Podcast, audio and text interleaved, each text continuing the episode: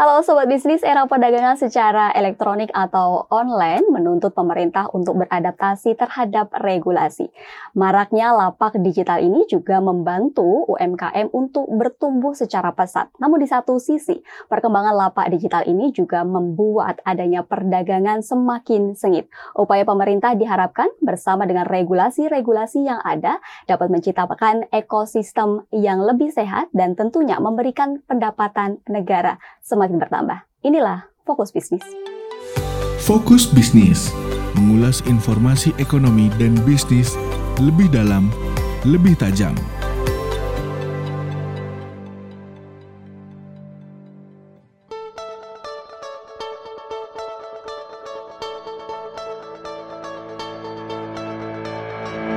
Seperti biasanya kita akan membahas langsung bersama dengan redaksi Bisnis Indonesia dan kali ini telah hadir Mas Taufikul Basari. Apa kabar Mas? Baik. Kabar baik tentunya ya Mas ya. Mas ini kan masyarakat ya. semakin sering untuk kemudian uh, membeli alat-alat uh, perlengkapan rumah tangga ataupun yang lainnya melalui e-commerce dan lain sebagainya. Pilihannya semakin beragam dan juga harganya kadang lebih terjangkau daripada kita beli secara ya. offline. Kemudian apa nih alasan bisnis Indonesia kemudian mengangkat tema ini? Ya, isu ini sebenarnya berawal dari uh, statement Kementerian Perdagangan hmm. terkait rencana larangan menjual produk impor di bawah 100 dolar atau di sekitar kisaran satu setengah juta. Jadi uh, ini menjadi ramai karena memang uh, pelaku pasar yang bermain di e-commerce itu sudah sangat banyak nilainya kan hampir hampir 500 triliun kan hmm. satu tahun.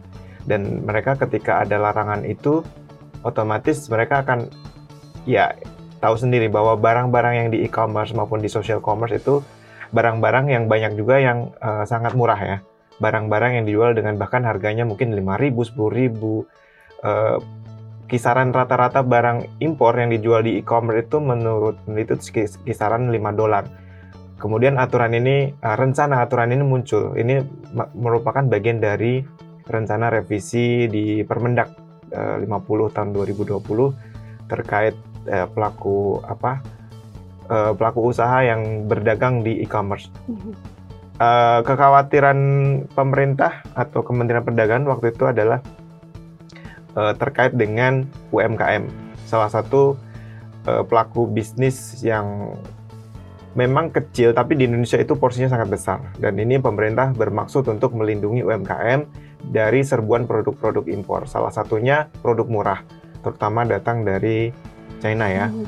uh, sangat menjamur di e-commerce. Nah itu salah satu alasan kenapa kok isu ini kemudian mencuat. Meskipun sebenarnya inti persoalannya tidak hanya persoalan uh, rencana larangan untuk produk di bawah satu setengah juta, tapi juga regulasi-regulasi lain yang lebih detail. Ya, misalnya salah satunya definisi tentang uh, social commerce yang selama ini belum belum masuk. Kemudian soal isu yang lebih penting lagi adalah sebenarnya ya larangan platform untuk uh, menjadi penjual. Jadi misalnya TikTok scammer dilarang menjual menjual produknya. Misalnya dia bikin produk sendiri hmm. dari yang uh, populer atau misalnya Shopee atau Lazada, dia punya dia kan punya data nih, dia menguasai data uh, produk apa saja yang populer, permintaannya tinggi, kapan uh, musimnya dan sebagainya. Jadi dia sebenarnya bisa uh, membuat produknya sendiri, menjual sendiri dengan ring harga sendiri dan sebagainya. Itu yang nantinya akan dilarang kayak gitu. Itu karena sangat merugikan UMKM karena itu yang sebenarnya bisa membunuh UMKM di situ sebenarnya. Mm-hmm. Lantas bagaimana kemudian tanggapan dari pelaku usaha yang tentunya bergerak di bintang lokal pasar ini berkaitan soal rencana dari pemerintah tersebut? Temuan dari bisnis Indonesia. Uh, dari beberapa pelaku pasar, terutama asosiasi ya, mereka juga berdagang dan sebagainya. Ya untuk yang aturan tentang batasan di bawah satu setengah juta memang belum belum banyak respon karena begini uh, batasan untuk produk impor yang satu setengah juta itu berlaku untuk perdagangan cross border artinya perdagangan yang langsung jadi kita misalnya uh, di Shopee mm-hmm. beli langsung Check out gitu ya mm, tapi dari Cina langsung mm. bukan dari pedagang di Indonesia yang mengimpor dari Cina dan itu sebenarnya jumlahnya kecil cuma 2% dari total uh, perdagangan transaksi di gitu ya. Uh, hmm. Jadi di karena yang membuka ini baru hanya dua ya kalau untuk e-commerce di Lazada sama di Shopee. Jadi di dari dua platform itu pembeli di Indonesia bisa beli langsung. Misalnya barang 50.000 kita bisa beli langsung dari China, dikirim langsung dari sana. Itu terjadi. Tapi dari segi kuantitas itu hanya sekitar 2% dari total seluruh da, uh, perdagangan di di dua platform ini. Okay. Uh, artinya memang sebenarnya masih kecil dan respon pasar mungkin juga nggak terlalu uh, nggak terlalu banyak. Lebih banyak ke pelaku pasar ini tadi terkait uh, kemarin sebenarnya isu yang uh, kuat beredar itu tentang uh, proyeknya TikTok isu yang yang sudah sebenarnya sudah di sudah dikonfirmasi TikTok mereka tidak akan melakukan itu bahwa platform-platform ini akan menjual produknya sendiri gitu. Hmm. Itu itu tidak terjadi sebenarnya. Itu karena UMKM lebih uh, khawatir terhadap ini. Jika misalnya Shopee, Lazada mereka bikin produk sendiri dan menjual sendiri, itu yang mereka menolak sebenarnya. Kalau untuk yang satu setengah juta memang beberapa ada kekhawatiran juga, termasuk dari uh, Menpar ya, Menteri Sandiaga pun khawatir kalau ada produk yang dibeli memang bukan produk jadi tapi produk setengah jadi yang memang nantinya mau dipakai untuk produksi lagi di Indonesia. Jadi khawatir bahwa itu nanti menghambat uh, aktivitas bisnis misalnya untuk menambah value added untuk satu produk okay. gitu. Tapi di satu sisi bahwa pemerintah juga sedang gencar-gencarnya gitu kan untuk kemudian uh, mengajak UMKM ini untuk masuk juga ke pasar lokal pasar sendiri gitu kan hmm. supaya juga meningkatkan uh, kompetisi dan juga dapat bersaing di pasar global. Nah, ini bagaimana kemudian langkah-langkah atau upaya pemerintah berkaitan soal ini? Ya, sejauh ini sih uh, memang tidak cepat ya langkah pemerintah itu misalnya aturan pajak, aturan hmm regulasi izin dan sebagainya itu masih agak lambat termasuk misalnya aturan perpajakan terkait kewenangan uh, si pemungutan pajak ya siapa yang berhak memungut dan sebagainya hmm. itu sampai sekarang pun belum belum muncul kecuali yang sebelumnya sudah terkait produk digital itu sudah ada tapi yang untuk produk di e-commerce ini belum nah regulasi-regulasi ini yang memperjelas aktivitas uh, transaksi sebagainya itu agak lambat dibandingkan uh, apa pelaku pasar sendiri yang sudah sangat cepat misalnya bergerak untuk membuat inovasi baik pemasaran dan sebagainya. Mereka kan nggak hanya di platform e-commerce tapi social commerce. Dan mereka di social commerce sekarang lagi muncul uh, apa uh, kuat banget cepat banget itu misalnya. Dan mereka berpindah misalnya dari Shopee Lazada ke TikTok Shop dan sebagainya. Dan ini belum diatur, social commerce ini belum diatur, maka aturannya memang perlu cepat dan itu perlu dukungan dari pemerintah.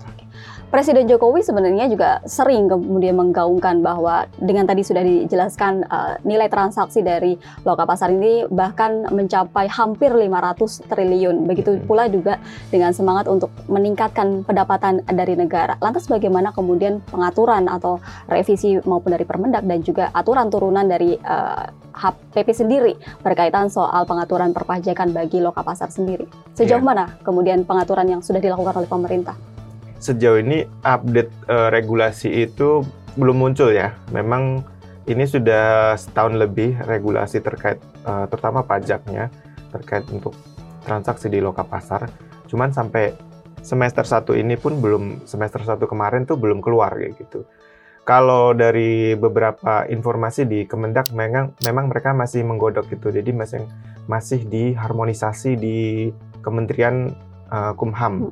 Jadi aturan itu masih ada di sana dan ya mungkin dalam waktu dekat akan akan keluar karena memang isunya sudah uh, sudah banyak ya. Jadi Kementerian uh, Menteri Perdagangan juga sudah menyampaikan poin-poin apa saja yang akan diubah diatur di situ terkait tadi sudah sampaikan uh, ya mungkin dalam satu dua bulan atau bulan okay. ini mungkin udah keluar. Oke, okay. gitu. satu dua bulan uh, ke depan akan keluar. Sejauh mana juga kemudian sosialisasi berkaitan soal perpajakan berkaitan soal lokal pasar? Ya, soal pajak ini memang uh, jadi ya polemik sendiri -hmm. ya. Apalagi bagi pelaku UMKM -hmm. gitu ya. UMKM merasa begini, mereka mungkin yang omsetnya di bawah 4,8 miliar kan nggak kena. Mereka banyak, memang kalau kita bilang nilainya 500 T kayak gitu sebagainya. Tapi kan sebagian besar UMKM. UMKM yang mungkin tidak kena pajak kayak gitu. Dan itu mungkin akan jadi ya nanti detailnya kita lihat di aturannya nanti seperti apa. Jadi memang tidak semua UMKM akhirnya nanti kena uh, dibebani pajak kayak gitu untuk di lokal pasar. Mm -hmm. Dan itu ya kita belum tahu sih detailnya seperti apa nanti kita akan lihat dan nanti juga terkait siapa yang berhak memungut pajak dan pajak apa saja yang dipungut nanti akan lebih detail di situ kita belum tahu nih Hmm. belum tahu secara detail apa saja yang pajaknya mungkin mungkin nggak hanya soal PPN dan sebagainya ya nanti ada pajak yang lain dan kita nggak tahu Hmm. nanti kita lihat Tentu kita juga akan melihat bagaimana kemudian final dari regulasi berkaitan soal loka pasar ini. Tentunya dari regulasi-regulasi yang kemudian sedang digodok oleh pemerintah ini dapat memberikan ekosistem yang lebih sehat Ya. pada loka pasar dan tentunya memberikan pendapatan negara. Tapi dengan catatan tidak menyusahkan UMKM. Betul. Terima kasih sekali Mas Taufikul atas Sama-sama. eh, ulasan dari bisnis Indonesia ini. Dan tentunya ulasan kita ini juga terbit di Harian Bisnis Indonesia setiap hari Senin yang mengulas beragam informasi berkaitan soal ekonomi dan juga bisnis secara mendalam. Sobat bisnis, jangan lupa untuk berlangganan e-papernya. Sampai jumpa.